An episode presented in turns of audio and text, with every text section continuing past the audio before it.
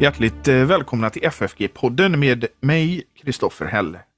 Och eh, idag så har vi återigen med oss Lars Borgström. Och vi ska fortsätta att tala om eh, Piper Müller, den här dogmatiken. Vi pratade om änglarna förra gången, men idag ska vi prata om något annat. Och eh, är det så att man vill bidra till den här poddens och församlingsfakultetens arbete, gör det gärna på Swish. Numret är 123 100 8457 och så märker man det med eh, FFG Podcast eller FFG Gåva. För annat som händer på församlingsfakulteten besök vår hemsida ffg.se. Hjärtligt välkommen igen Lars! Tack för det Kristoffer! Fint att få vara med här och samtala med dig idag igen. Vad har hänt sedan vi talades vid senast? Ja, är det två veckor sedan vi talades vid, tror jag. Var det under mitt höstlov som lärare på kristna gymnasiet i Solna, Johan Movinger tror jag. Eh, då har jag eh, vikarierat två veckor på min eh, tjän egen tjänst på skolan som jag egentligen ska vara föräldraledig ifrån. Eh, men eh, nu är det bara en vecka kvar på det här vikariatet. Eh, eh, sen ska jag ta verklig föräldraledighet och resa till USA och vara med min hustru och lille son Martin. Mm. Tre veckor. Och sen efter det så är tanken att vi alla återvänder till Sverige. Du har fyllt 50 år också. Det också, just det. Eh, det var ju du här i Uppsala och firade. Eh, tack för uppvaktningen. Ja, varsågod.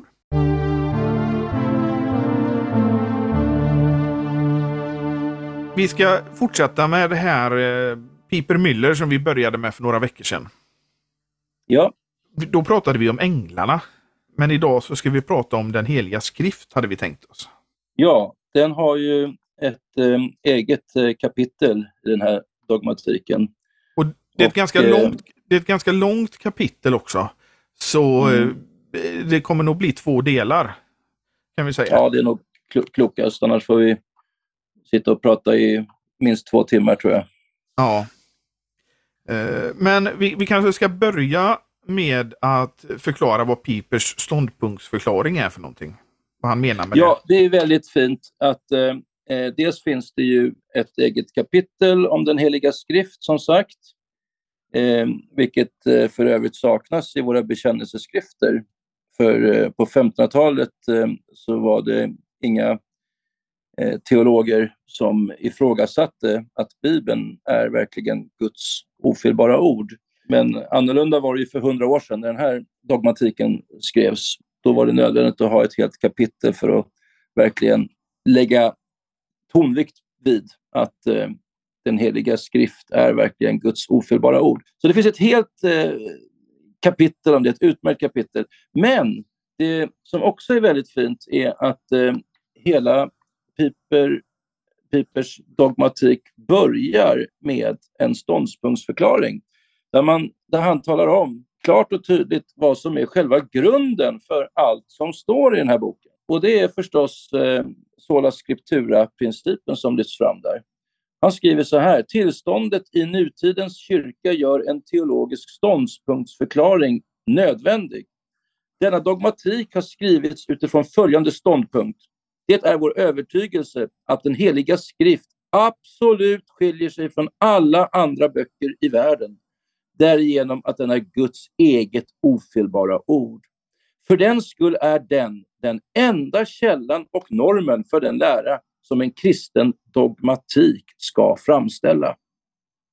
Det har funnits en tid då denna ståndpunkt inte på något sätt blev ifrågasatt inom den kristna kyrkan, bortsett från några få undantag, denna tid varade ända fram till 1700-talets första hälft.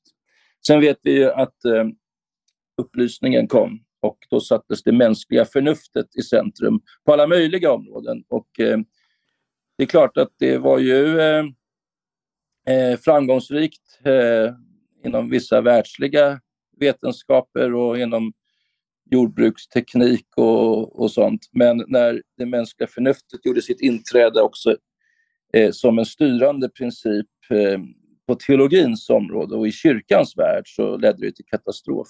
Men, men det är också så som är speciellt med den här dogmatiken, det är ju att om vi tar de här gamla dogmatiska verken under den lutherska ortodoxin, så var ju de före upplysningen, men den här är efter upplysningen, men också mm.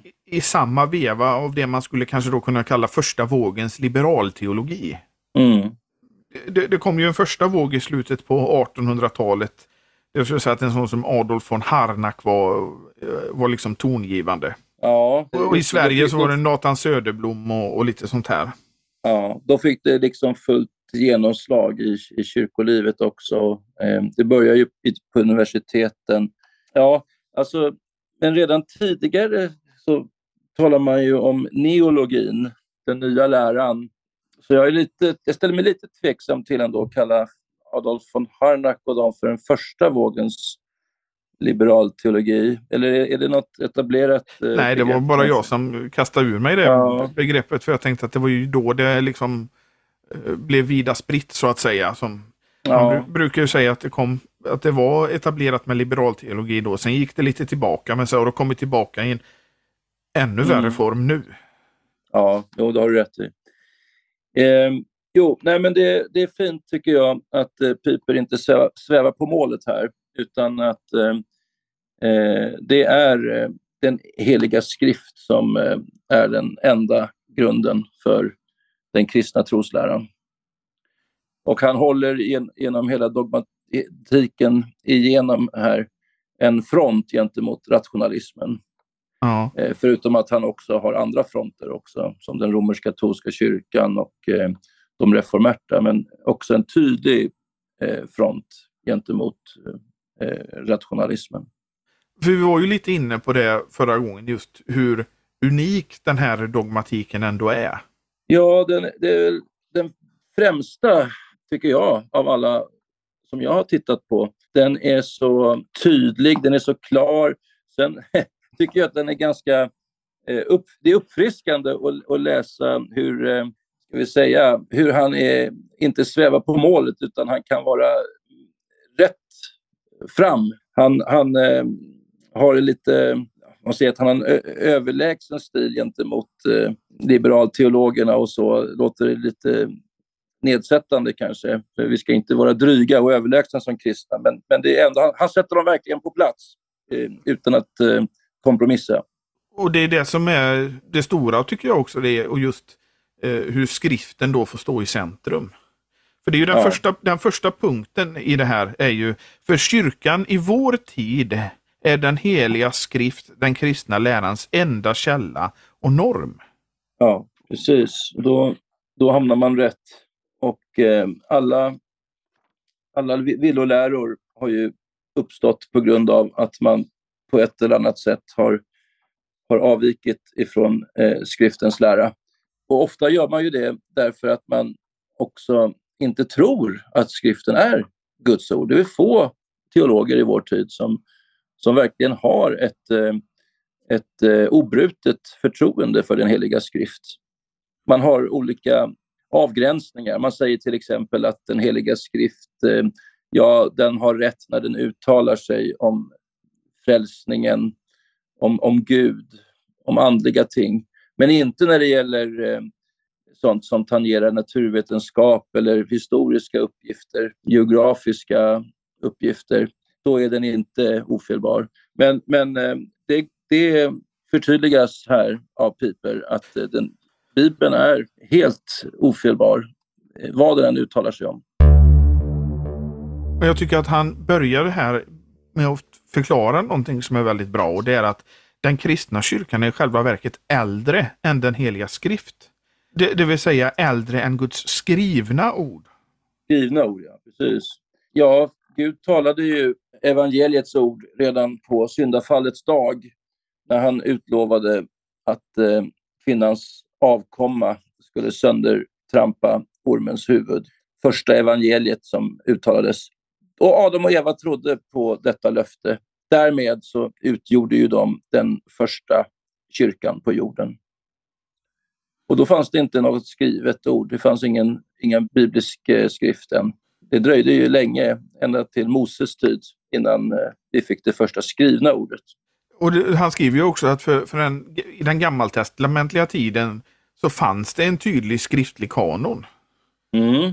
Som växte fram undan för undan. Gud la ju till skrifter vart eftersom. Och, eh, men vid Jesu tid och dessförinnan också så var ju eh, judarnas eh, kanon eh, fixerad. Eh, Malakis bok är ju den sista eh, eh, boken i Gamla Testamentet på 400-talet före Kristus. Eh, och eh, på 200, kring 200 räknar många forskare i alla fall med att eh, då var eh, kanonfixerad så att säga. Eh, judarna var överens om vad det var som var den heliga skrift. Just de 39 böcker som, som vi räknar till Gamla Testamentet. Men de hade en annan indelning förstås. De hade 24 böcker var väl den vanliga indelningen eftersom de, man inte hade första och andra krönikeboken och så vidare. Och Esra och Nehemja i en bok vet jag. Ja, och hela tolvprofetsrullen räknades ju som en enda bok också. Det är ju egentligen mänskliga indelningar det där. Ja, Själva- ja, men det, är själva- samma, ja det är samma textmassa som, som vi har i vårt gamla testamente. Så, så att det är egentligen mänskliga uppdelningar som, som är gjorda av, av människor för människor helt enkelt. Ja. Och det måste man ju säga att det är en pedagogisk hjälp för oss att dela in det så här som, som vi har gjort. Mm. Så som man sen också har gjort med eh, kapitlerna och sen senare verserna i vår bibel. Det var ju först på 1500-talet som vi hade alla verserna också angivna. Mm. Men sen har vi också då det här med att det är ju det här, den gammaltestamentliga kanon som också låg till grund för det som Jesus sa. Ja, och Jesus, dels så talar han ju om lagen, profeterna och skrifterna. Så han, han talar om Gamla Testamentet som en fast enhet som han tillmäter gudomlig auktoritet.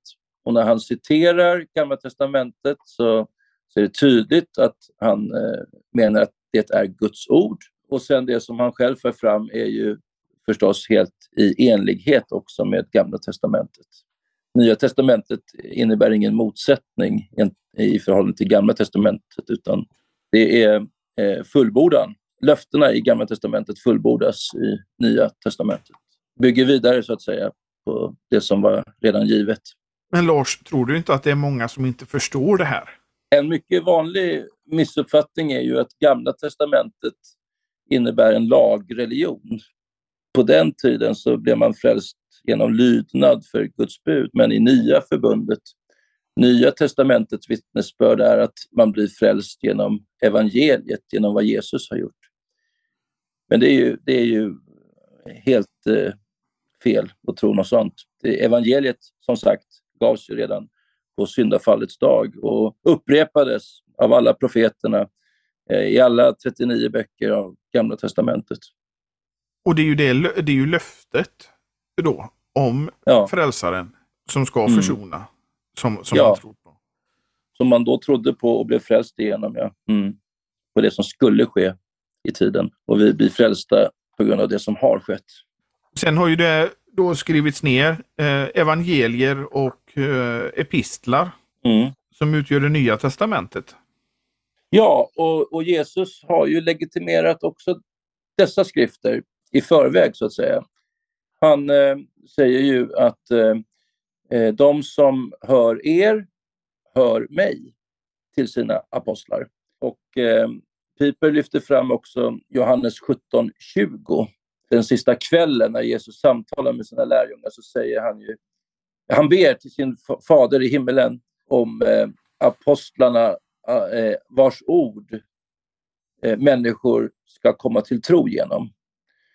Eh, och så påpekar Piper också att eh, eh Luther eh, lyfter fram det här stället, Johannes 17.20, gång på gång, eh, för att säga att det är just apostlarnas vittnesbörd, deras ord, det vill säga Nya Testamentet, som ska utgöra kyrkans trosgrundval ända fram till den yttersta dagen. Det är genom apostlarnas ord som människor kommer till tro framöver. Sen så skriver eh, han så här att eh, skriftprincipen förkastas och i dess ställe upphöjes det mänskliga jaget till läroinsats i kyrkan. Två, ja, läroinstans, ja. Instans, ja, förlåt. Ja. Eh, och så då man åberopar den på nyttfödda förnuftet, det fromma självmedvetandet, den kristna upplevelsen, det kristna jaget, trosmedveten, tron, anden och dylikt.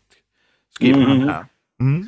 Där, där, ja, där går han igenom olika exempel på olika substitut mm. som får ersätta Guds ordsauktoritet.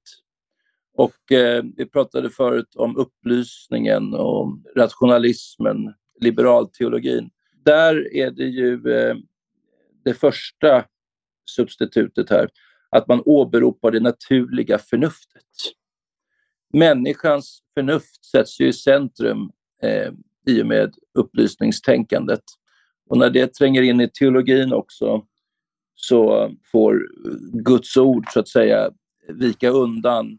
Det får gälla bara i den grad som det fortfarande kan accepteras av människans eh, naturliga förnuft. Och människan eh, som det naturliga förnuftet är ju av naturen så att säga bortvänd ifrån Gud. Och från ja, Guds ord. An andligt död, andligt blind. Så då förstår man vilken katastrof, vilket mörker det blir eh, när människans förnuft eh, sätter sig i domarsätet i kyrkan. Och det är här jag tycker att Pipers dogmatik blir så stark. För det här tas inte upp på samma sätt i andra dogmatiska verk. Han ställer sakerna verkligen på sin spets här. Alltså. Så att antingen är det Gud som är Gud och hans ord som är eh, kyrkans eh, trosgrundval. Eller om eh, människan då vänder sig emot detta och ska in och styra. Då är ju, det är ju själva ursynden redan i... Skulle väl Gud ha sagt, sa Satan till de första människorna. Och så, och så ifrågasätter man eh, att det verkligen kan vara så som Gud har sagt och så blir det mänskliga överväganden, bedömningar som, som eh, får träda in istället. Sen, sen, finns det en lite frommare variant av det här när man säger att ja, nej, det är inte det naturliga mänskliga förnuftet som eh, eh ska vara centrum eller bestämmande. Men det är eh, det på nyttfödda förnuft. Den, den fromma människans eh, eh, religiösa värderingar och, och, och erfarenheter eh, som eh, får ligga till grund.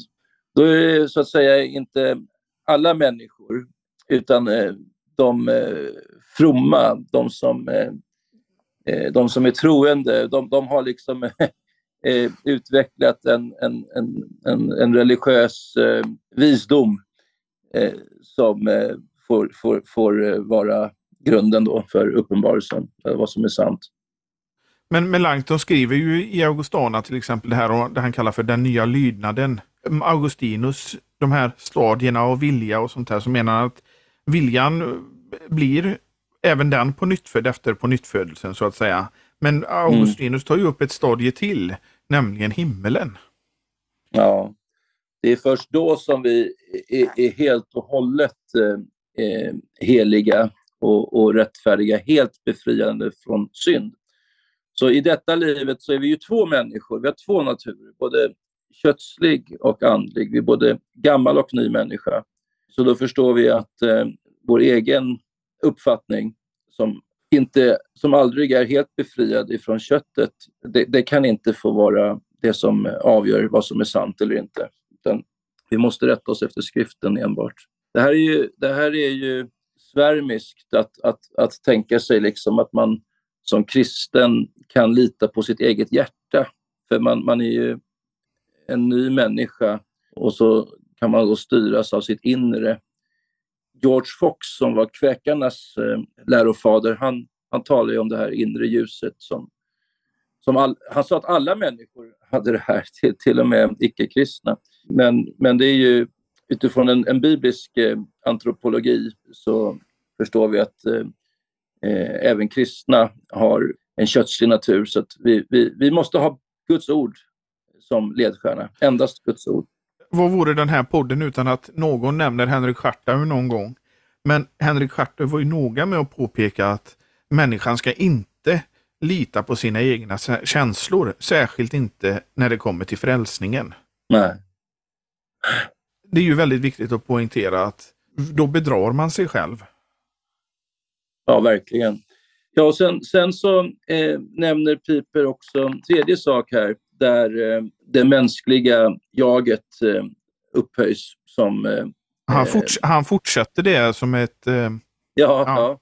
Det kommer, kommer gång på gång här olika exempel på hur, hur skriftprincipen åsidosätts. Och ett sätt att åsidosätta skriftprincipen, det är ju att eh, säga att det är inte de enskilda bibelställena som eh, vi ska följa, eh, rätta oss efter, utan det är skriftens helhet som eh, eh, ska eh, få vara bestämmande. Och här nämner han Schleiermacher som eh, den som introducerade detta i teologihistorien.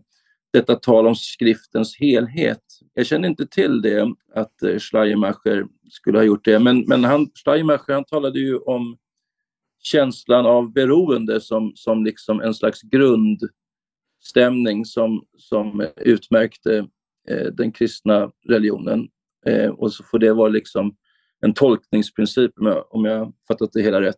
Men, men eh, det här att det inte är de enskilda bibelställena, olika bibliska läror som vi ska rätta oss efter, utan Bibelns helhetsbudskap. Det känner vi igen väldigt mycket från vår egen tid.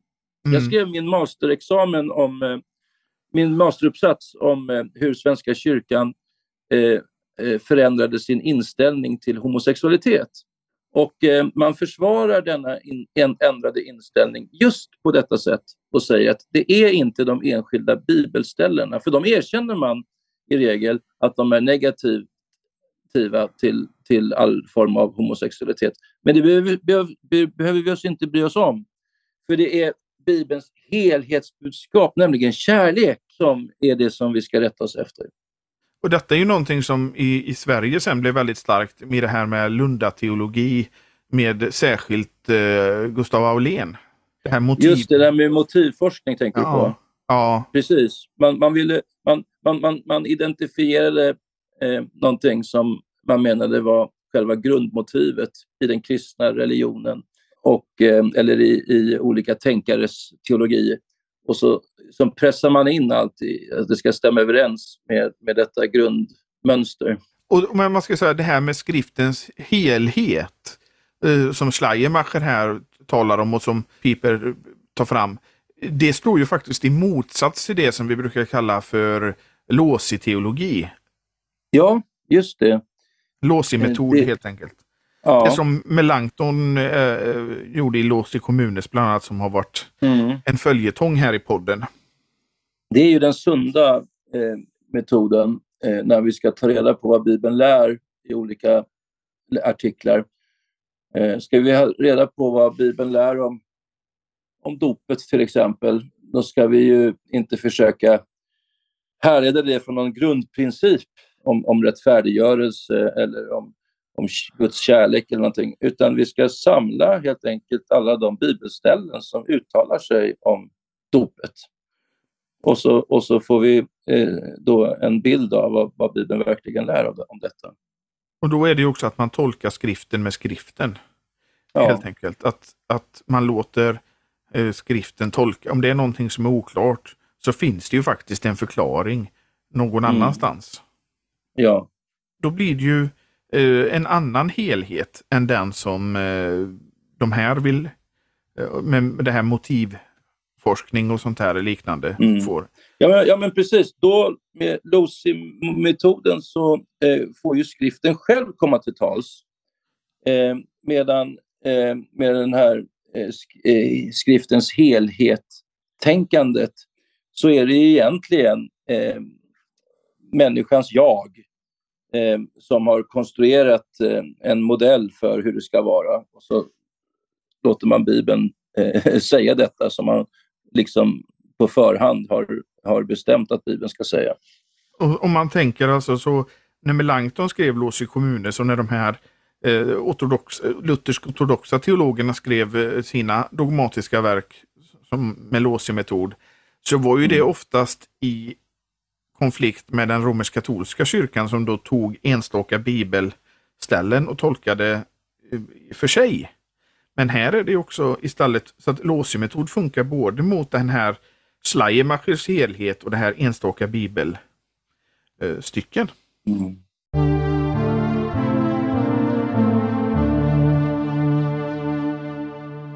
när du nämner den romersk-katolska kyrkan så får ju de också sin släng av sleven här i, i nästa punkt som han tar upp, hur skriftprincipen åsidosätts. Eh, nämligen när man åberopar kyrkan eller kyrkans lärobestämmelser som har skett vid koncilier, synoder eller liknande, eller påven. Mm. Eh, att det blir som en, eh, en auktoritet då vid sidan av skriften. Egentligen ovanför skriften. Därför att katolska kyrkan säger ju att den enskilda krist, den enskilde kristne kan inte förstå Bibeln. Bibeln har inte ett, eh, ett ljus i sig självt som, som kan lysa upp för de troende, utan påven måste kasta sitt ljus på skriften. Det är som att, eh, jag hörde en, en teolog en gång likna det vid att det är ungefär som att eh, förneka att solen har en egen lyskraft och så står man med en ficklampa då och lyser upp solen eh, från, från jorden och, och tror, tror att jag ska kasta ljus över solen så att människor kan förstå. Nej, men Bibeln är ju självt ljuset som, som lyser upp för oss. Påven kan inte stå med sin ficklampa och, och hjälpa oss att förstå skriften. Utan, utan då, man säger ju i katolska kyrkan att det är skrift och tradition som är två likvärdiga källor till den gudomliga uppenbarelsen.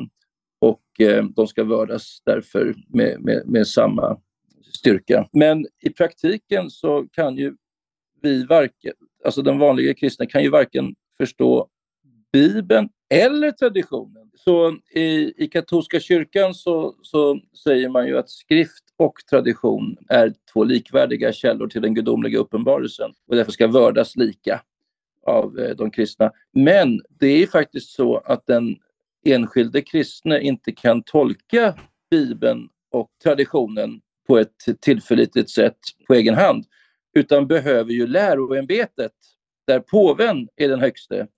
Så man skulle faktiskt kunna hårdra det och säga att medan lutheraner tror på sola scriptura så tror eh, katoliker egentligen på solus pappa, påven ja. Alena.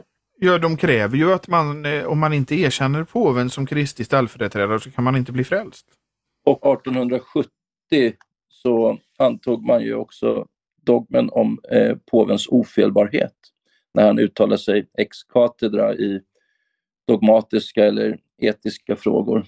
Så att det är som eh, Luther sa och som eh, Piper citerar här också, att eh, påven har alla, allting i sitt hjärtas skrin.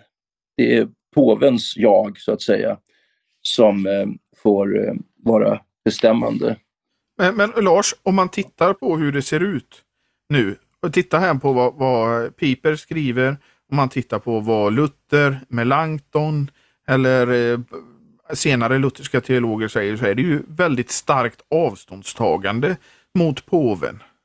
Man har ju eh, kallat påven för vilddjur och, och allting sånt här. Men mm. i vissa kyrkor så bjuder man in påven idag, till, i alla fall till de som är till namnet lutherska. Ja, i, i liberala lutherska kyrkor som Svenska kyrkan, där firade man ju reformationsjubileet eh, tillsammans med påven. Han kom ju till Lund och Malmö 2016 var det. Eh, det skulle påbörja reformationsjubileet då, som skulle pågå ett helt år.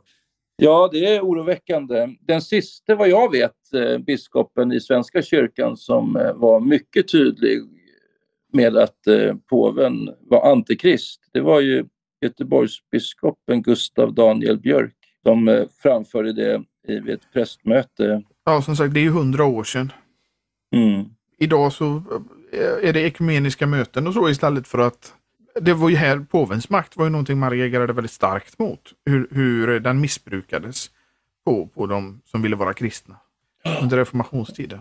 Ja, ja, det är inte bara lutheraner, det är väl, det är väl hela kristenheten eh, i frikyrkorörelsen också, pingstkyrkan, eh, så har det skett ett närmande till katolska kyrkan. Nej, det är en avtrubbning helt enkelt. Man, man inser inte hur viktigt det är med de två reformatoriska huvudprinciperna. Skriften alena som vi talar om just nu här, du och jag, men också eh, tron alena. Ja, är det inte skriften alena och tron alena så ligger det ju på människan och då kan man ju inte bli frälst.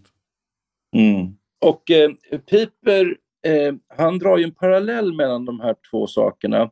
Eller rättare sagt, han drar en parallell mellan eh, skriften alena och eh, satisfactio vicaria, den ställföreträdande till fyllestgörelsen. Mm. Han menar på att det finns ett samband, ett tydligt samband mellan förnekandet av skriften alena och förnekandet av satisfactio vicaria.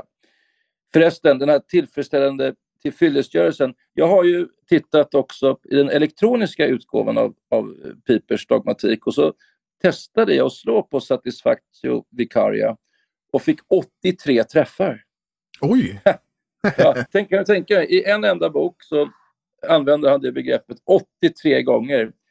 För det, det har ju slagit mig att han, han kommer tillbaka till det gång på gång. Men så vilken oerhörd vikt han lägger vid detta, att Kristus är vår ställföreträdare som har lidit och dött för att eh, stilla Guds vrede för vår synd. Alltså han betalat för oss. Han har, han har alltså i sin lidande, passiva lydnad har han eh, gjort allt väl för oss inför Gud. Och sen har han också genom sina goda gärningar, genom sin buduppfyllelse åstadkommit en, en positiv rättfärdighet också. En, det kallar vi för hans eh, aktiva eller görande lydnad. Men han är vår ställföreträdande och eh, eh, det här är en tanke, säger Piper, helt riktigt, som inte finns i människans hjärta. Det finns inte i alla människoskapade religioner, utan det finns bara i den heliga skrift. Eh, det är en himmelsk uppenbarelse som Gud har meddelat oss i sitt ord. Det eh, finns bara där. Men om man inte tror på skriftens ofelbarhet utan låter människans jag, människans eh, teologiska självmedvetande få vara styrande, eh, då träder satisfactio vicaria tillbaka i bakgrunden. Och då kommer istället mänskliga tankar in. Det grumlas och ju mer mänskliga tankarna kommer in, det, det leder till sist till att, att eh, evangeliet försvinner från kyrkan. Satisfactio vicaria predikas inte längre. Och jag undrar, Kristoffer, om vi skulle göra stickprov, eh, om vi skulle en söndag lyssna på hundra predikningar i Svenska kyrkan, i de olika stiften. Hur många predikningar som skulle predika om eh, den ställföreträdande till fyllestgörelsen? Hade jag varit tvungen att chansa och haft liksom, något stått på spel så hade jag sagt noll. Kanske att det är så illa. Kanske att det skulle vara en och annan någonstans. Men, men eh, väldigt sällsynt. Då måste, du, vara, då måste du pricka rätt. Att, att, att, få leta efter en sån förkunnelse i Svenska kyrkan det skulle nästan vara som att leta efter en nål, nål i en höstack. Det finns alltså, nog där vet, någonstans. Men... Jag vet att den finns, men eh, om du, nu ska man inte använda ord som slump, men eh, om du slumpmässigt väljer mm. 100 församlingar. Mm. Om, om, man har en tombola och väljer 100 församlingar så bland alla de som finns så tror jag att det ja. blir väldigt svårt. Jag tror att de flesta inte gör det. Det, det, mm. det är mitt tips. Ja, och det går hand i hand med eh, avfallet från eh, tron på skriften som Guds ofelbara ord. Vi pratade om påven innan. Men mm. Eh, Piper han går ju inte bara på påven utan även på eh, svärmare och svinglianer och allt vad man kan kalla ja, dem. Va? Och då skriver det, han så här, då man åberopar enskilda uppenbarelser som mm. även betecknas som omedelbara eller nya uppenbarelser. Och med mm. enstaka uppenbarelser menar vi sådana uppenbarelser om den kristna läraren, läraren som enskilda personer påstår sig ha fått genom syner, andeupplevelser, inspiration, inre, en inre röst och dylikt. Och det mm. här mm. är ju någonting som jag, jag, måste säga att den lutherska kyrkan är väldigt tydlig på historiskt sett att det är Guds ord. Det, det kommer inte någon som får egna uppenbarelser och eh, som strider mot skriften på något sätt. Och stri, ja. strider mot skriftens profetior. Mm. Ja men visst, men det finns ett samband också det, mellan, mellan detta slag av eh, svärmeri och det som den katolska kyrkan står för. I, i katolska kyrkan så är det ju påven eh, som har eh, allt i sitt hjärtas skrin.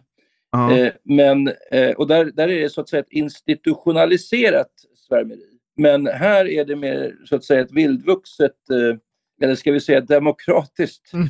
Eh, svärmeri där, där, där vem som helst kan komma fram och eh, påstå sig ha haft olika uppenbarelser. Men det, men, men det här eh, sambandet, det, det kommer fram i schmalkaldiska artiklarna där, där Luther skriver så här, och nu citerar jag från, från Piper här när han behandlar det här. Då skriver han så här, även påvedömet är idel svärmeri. Ty påven berömmer sig av att hava all lag och rätt i sitt hjärtas skrin. Och vad han dömer och bjuder i sin kyrka, det ska vara ande och rätt, även om det står i strid mot och går utöver skriften eller det talade ordet. Och vidare, det, det alltså svärmeriet, är också ursprunget även till påvedömet. Han, han mm. nämner också islam där. Även om inte Piper citerar det så talar ju Luther om Mohammed, mohammedanismen där också i det här sammanhanget. Mm.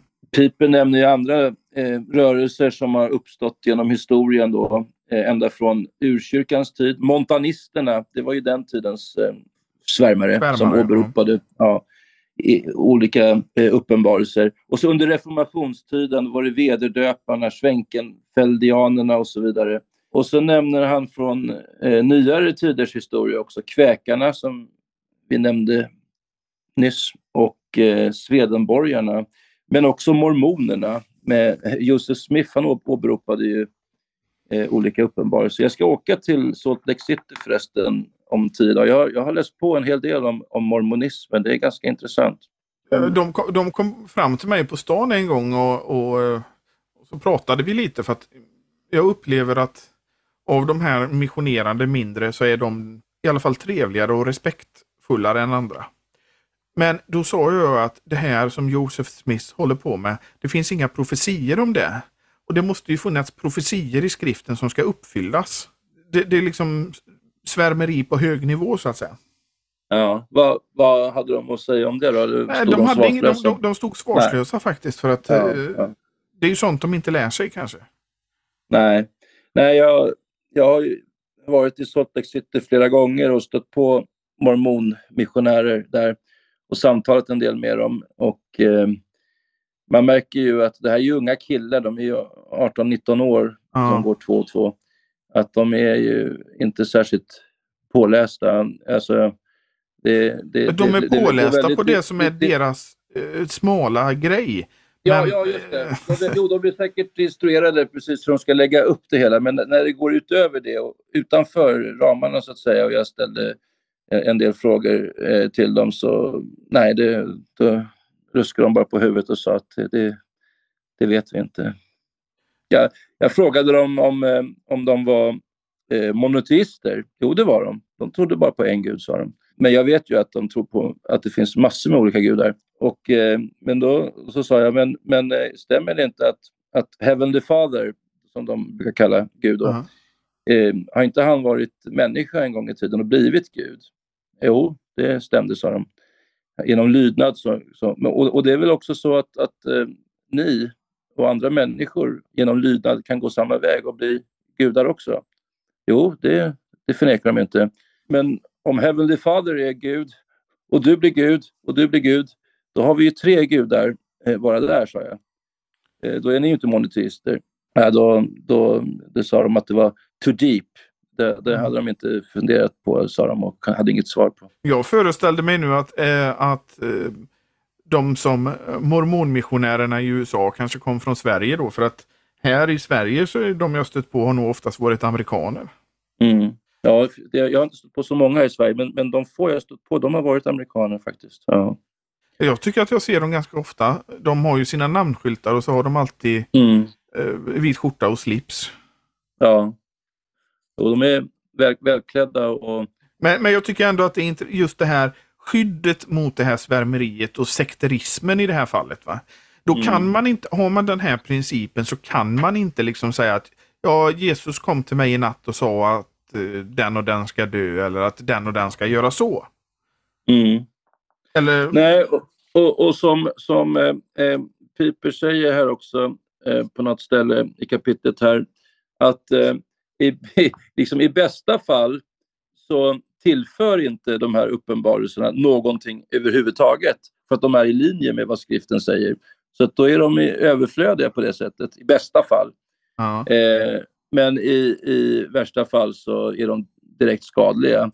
Så att, så, att, så att vi behöver liksom inte bry oss om det här. Vi kan säga att antingen är de överflödiga eller skadliga.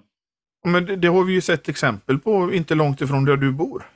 Hur svärm, svärmer, svärmiska dogmer har, har lett till mord helt enkelt.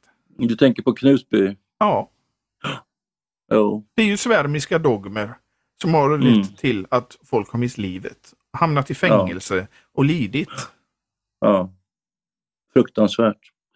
Ja, det är inte ofarligt det här. Det är inte att leka med. Men då blir ju en sån här skriftsyn ett skydd mot Ja. sådan galenskap. Som man, man ändå får säga att det är. Ja, ja det är galenskap. Det här, du nämnde Knutby, det är, ju, det är ju så extremt och tydligt för att det tog sig liksom uttryck i fysiskt mord. Men eh, i de allra flesta fall så slutar det ju i själamord, alltså man, mä, människor lider skeppsbrott i tron och dör andligt och, och går miste om den eviga saligheten. Så det är väldigt allvarligt här, även om det inte syns eh, så tydligt i det yttre som det gjordes i, i Knutby. Nej, det är sant. Det är sant. Men jag säger Mm. att det, det är ju tydligt vad svärmiska dogmer kan leda till. Eh, och Mm. det, det är ju därför en sådan här skriftsyn som den lutherska kyrkan och Piper har här är så viktig och skyddar oss som är kristna. Mm, verkligen. För det är ju faktiskt så att Gud har ju omsorg om oss med det här. Det är ju inte att han, det här med Guds ord och, och, och så, det är ju inte omsorg om oss. Att vi inte ska lida illa, vi kristna. Mm. Gud, Gud är god, hans ord är kärleksfullt, men djävulen vill få oss att eh, ifrågasätta Guds ord. Skulle väl Gud ha sagt. Och så, och så säger djävulen att ät av frukten så kommer ni att bli som Gud. Och det är just detta eh, att vi ska ersätta eh, Gud och sätta oss själva på tronen. Det fromma jaget ska få diktera eh, vad som är sant och inte sant i kyrkan. Eller det är till och med det naturliga förnuftet i, i liberalteologins fall.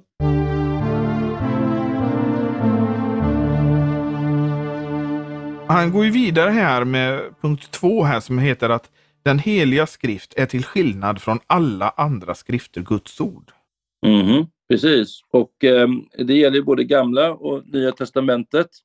I nya testamentet så, så kan vi ju se på dussintals ställen att eh, de heliga författarna eh, betraktar gamla testamentet just som Guds ord. Men vi kan också se att ehm, eh, nya testamentet eh, också är Guds ord. Apostlarna framträder med Jesu egen auktoritet. Och sen så betyder ju inte det att eh, andra böcker, fromma andaktsböcker, postillor, eller varför inte ta Pipers kristen dogmatik som ett exempel, att inte det också eh, har Guds ord, att det innehåller Guds ord. Eh, men det har det ju därför att de har hämtat sin undervisning från Bibeln. Men så att, så att eh, Bibeln är den enda eh, bok som Gud har inspirerat och som är ofelbar. Och i den mån som andra böcker och skrifter eh, reproducerar detta så att säga, för fram eh, Bibelns sanningar så, så har det också Guds ord. Ja, för att det, bi, Guds Bibeln och, eh, har ju en särställning när det kommer till Guds ord. Det är ju det högsta så att säga. Ja, eh, det är ju norma, normans, som vi säger, alltså den normerande normen. Ja. Eh, och sen finns det ju då andra skrifter som eh, är normerad norm, eh, som överensstämmer med Bibeln, eh, norma normata. Eh, men då, då är det ingenting nytt eller utöver det som står i Bibeln som, som finns där. Nej, och, och om, om man nu säger så, så står ju Bibeln över till exempel de lutherska bekännelseskrifterna. Ja, vi tror ju på de lutherska bekännelseskrifterna därför att kvia ja. de överensstämmer med Bibeln. Det finns ju de som har sagt att eh, man eh, tror på, man bekänner bekännelseskrifterna i den mån de överensstämmer med skriften. Men, men, men det är ju intetsägande egentligen. Det kan jag ju säga om Koranen. Jag tror på Koranen också, i den mån den överensstämmer med Bibeln. Det står i Koranen att Abraham var en profet till exempel. Det tror jag också, men sen så tror jag inte på allt det andra som går emot Bibeln. Eh, så att eh, jag kan ju... Ja, det, det tar Piper upp här också, att en sån eh, eh bekännelse är eh, till intet förpliktande egentligen. Du tar, men du tar ju också upp eh, på stillor och andaktsböcker och sånt här. Eh, mm. men det, och det är ju också ett, jag skulle inte säga att man ska ersätta eh, skriftläsandet med på stillor eller andaktsböcker utan skriften måste ju ändå finnas där som vad ska man säga, basmat eller vad, vad heter det? Mm. Vi läser eh, både och. Ja. Och så läser vi Luthers egna skrifter som innehåller så mycket av Guds ord också. Och så går vi tillsammans med Luther tillbaka till skriften. Han får ja, vara vår vägledare. Ja. Men också vägledaren då ska ju prövas eh, utifrån Bibelns ord. Så att det, det blir liksom en, en dubbel process där. Och det får man ju tänka på. Jag har ju pratat med Robert Kolb om det som vi kallar för eh, evangelical maturation. Att eh, Luther gjorde ju ständigt eh, han mognade ju ständigt i sitt. Mm. Ja. Så att det, det, är ju inte vad Luther gjorde, vilket många ibland gör som misstag, utan det är hur Luther tänkte. Mm. Och man kan se hur, precis som du säger, hur, hur eh, hans förståelse eh, mognade fram undan för undan. Ja, precis. Han, han, eh, det var ju hans sätt att tänka och det, det gör ju vi som människor också. Vi mognar ju hela tiden. Och jag, mm. jag tänkte på eh, när eh, du fyllde år. Ja. Så var det en andakt på ditt eh, kalas, eller vad man ska uttrycka det. Ja. Eh, på din bjudning. Mm. Och då sa Ingmar Andersson, din kyrkoherde, någonting mm. som jag inte hade tänkt på förr. Och så tänker jag, hur rik är inte den här skriften? Ja. Ja, men precis. Det var, det var samma sak för mig. Det var, det var en, en, en ny skatt som han vaskade fram ur skriften som, det, som inte jag heller hade tänkt på tidigare. Det var fantastiskt. Vilket, vilket djup. Och det säger Piper här också i det här kapitlet att eh, eh, skriften kan aldrig uttömmas. Nej, det är, det, är, det, det är liksom så. Och det är också hur, hur skriften lever på ett sätt. Alltså att den talar till oss i den situation vi är just nu. För att skriften är ju, vad säga, inte alena så sätt, utan det är ju med den helige andes hjälp vi ska läsa skriften. Mm. Jo, det är alldeles så. Och det, det, Guds ande talar till oss genom skriftens ord. Och eh, man hör ju eh, en del säga, jo men jag, eh, Gud har sagt till mig att jag ska göra så här. Eller eh, jag, jag har eh, andens förvissning om att det är rätt med kvinnliga präster i kyrkan, har jag hört flera säga. Men, men Gud kan ju inte säga en eh, sak eh, i sitt ord, i det skrivna ordet, och sen en annan sak eh, till en människa eh, i, i hennes hjärta. Gud är sanning och, och, och säger samma sak. och är, det, är det inte så att det stämmer överens med Bibeln, då är det ju människans egna fantasier. Eller det kan vara den onde som eh, frestar. Ja, det är ju köttet eller så är det den onde som frestar. Mm. Ja. det gör han ju särskilt mot dem som är kristna. De andra har han ju redan i sitt rike. Mm, precis. De har han ju redan klarat så att säga, men de kristna, de har han ju. Han hatar oss kristna särskilt eftersom vi har frälsning, vilket han aldrig kommer att kunna få. Men vi vet också att han kan skriften.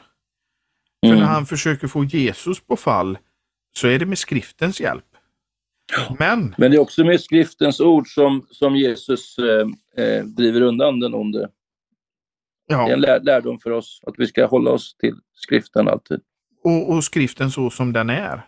Mm. Så att eh, nej, det, det, det är ju ett tydligt e- exempel. Att skriften är det som räddar oss så att säga. Och nästa punkt som han har det är alltså den heliga skrift är Guds ord. Därför att den är ingiven eller inspirerad av Gud. Här eh, refererar han bland annat då till andra Timoteusbrevets 3.16. Men där Mm. står det att den är utandad av Gud. Ja. Theopneftos. Mm. Precis, och sen är det andra Petrus 1.21 som är det andra tydliga beläggstället för att, att det är den helige ande som har drivit de mänskliga författarna att skriva. Han, han Eh. skriver så att, att den heliga skrift, fastän den skrivits genom människor, är Guds ord, har sin förklaring i inspirationens gudomliga handling. Skriftens utsagor om inspirationen innehåller och så tar han upp några punkter här. Mm. Ja, och de här punkterna de, de definierar exakt vad, vad som menas med det här att Bibeln är inspirerad. Då tar han avstånd från så kallad realinspiration eller inspiration av sakinnehållet. Det vill säga att det är bara själva saken eh, som framställs i Bibeln som Gud har inspirerat till. Det är inte bara det, utan det är själva orden som Gud har ingivit. Och eh, han tar också avstånd från den så kallade personalinspirationen. Det vill säga att det är personerna, men inte orden som personerna skriver, eh, som är inspirerade. Utan han menar verkligen att det är själva orden som eh, är inspirerade av Gud. Ord för ord. Och sen senare, i ett senare eh, avsnitt i det här kapitlet så talar han ju också om hur Luther verkligen höll på verbalinspirationen, vilket har förnekats av senare moderna forskare. Men Luther, han, han betonar verkligen att det är själva ordalydelsen, fr- fraserna som den helige Ande använder i Bibeln som är direkt av Gud. Eh, och sen så tar han också avstånd från det här som vi var inne på förut, att eh, det är bara på vissa områden som, Gud, som Bib- Guds ord, Bibeln, är ofelbar, nämligen frälsningens område och, och, och det andliga så att säga. Men nej, det är allt, även historiska uppgifter och så vidare. Och sen, och sen att det eh, tar en av, avstånd också från det här som vi också var för, inne på förut, att, att det inte bara helhetsbudskapet i Bibeln som är inspirerat, kärlek eller något sånt där, utan, utan att det är de enskilda lärorna också, de enskilda bibelverserna som är inspirerade. Det är ju därför, en, som, som vi pratade om innan, det här med låsemetod är så eh, viktig för att utröna hela skriften som, som är hela skriften är utandad av Gud. Så, att Mm. inte, så man måste ta reda på vad, vad som är skriftens budskap. Och det är det som vi har i, i låseskrifter och i våra bekännelseskrifter till exempel.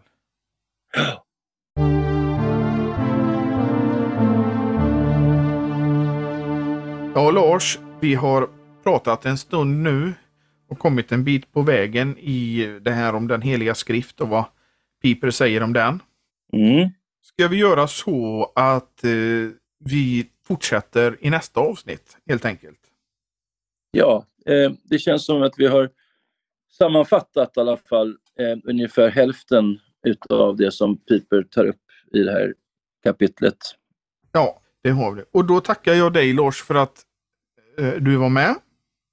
Och, Tack själv, eh, Kristoffer. eh, vi eh, hörs ju snart igen. Men är det så att man vill ge ett bidrag till församlingsfakultetens och den här poddens arbete så gör det gärna på Swish. Numret är 123 100 8457.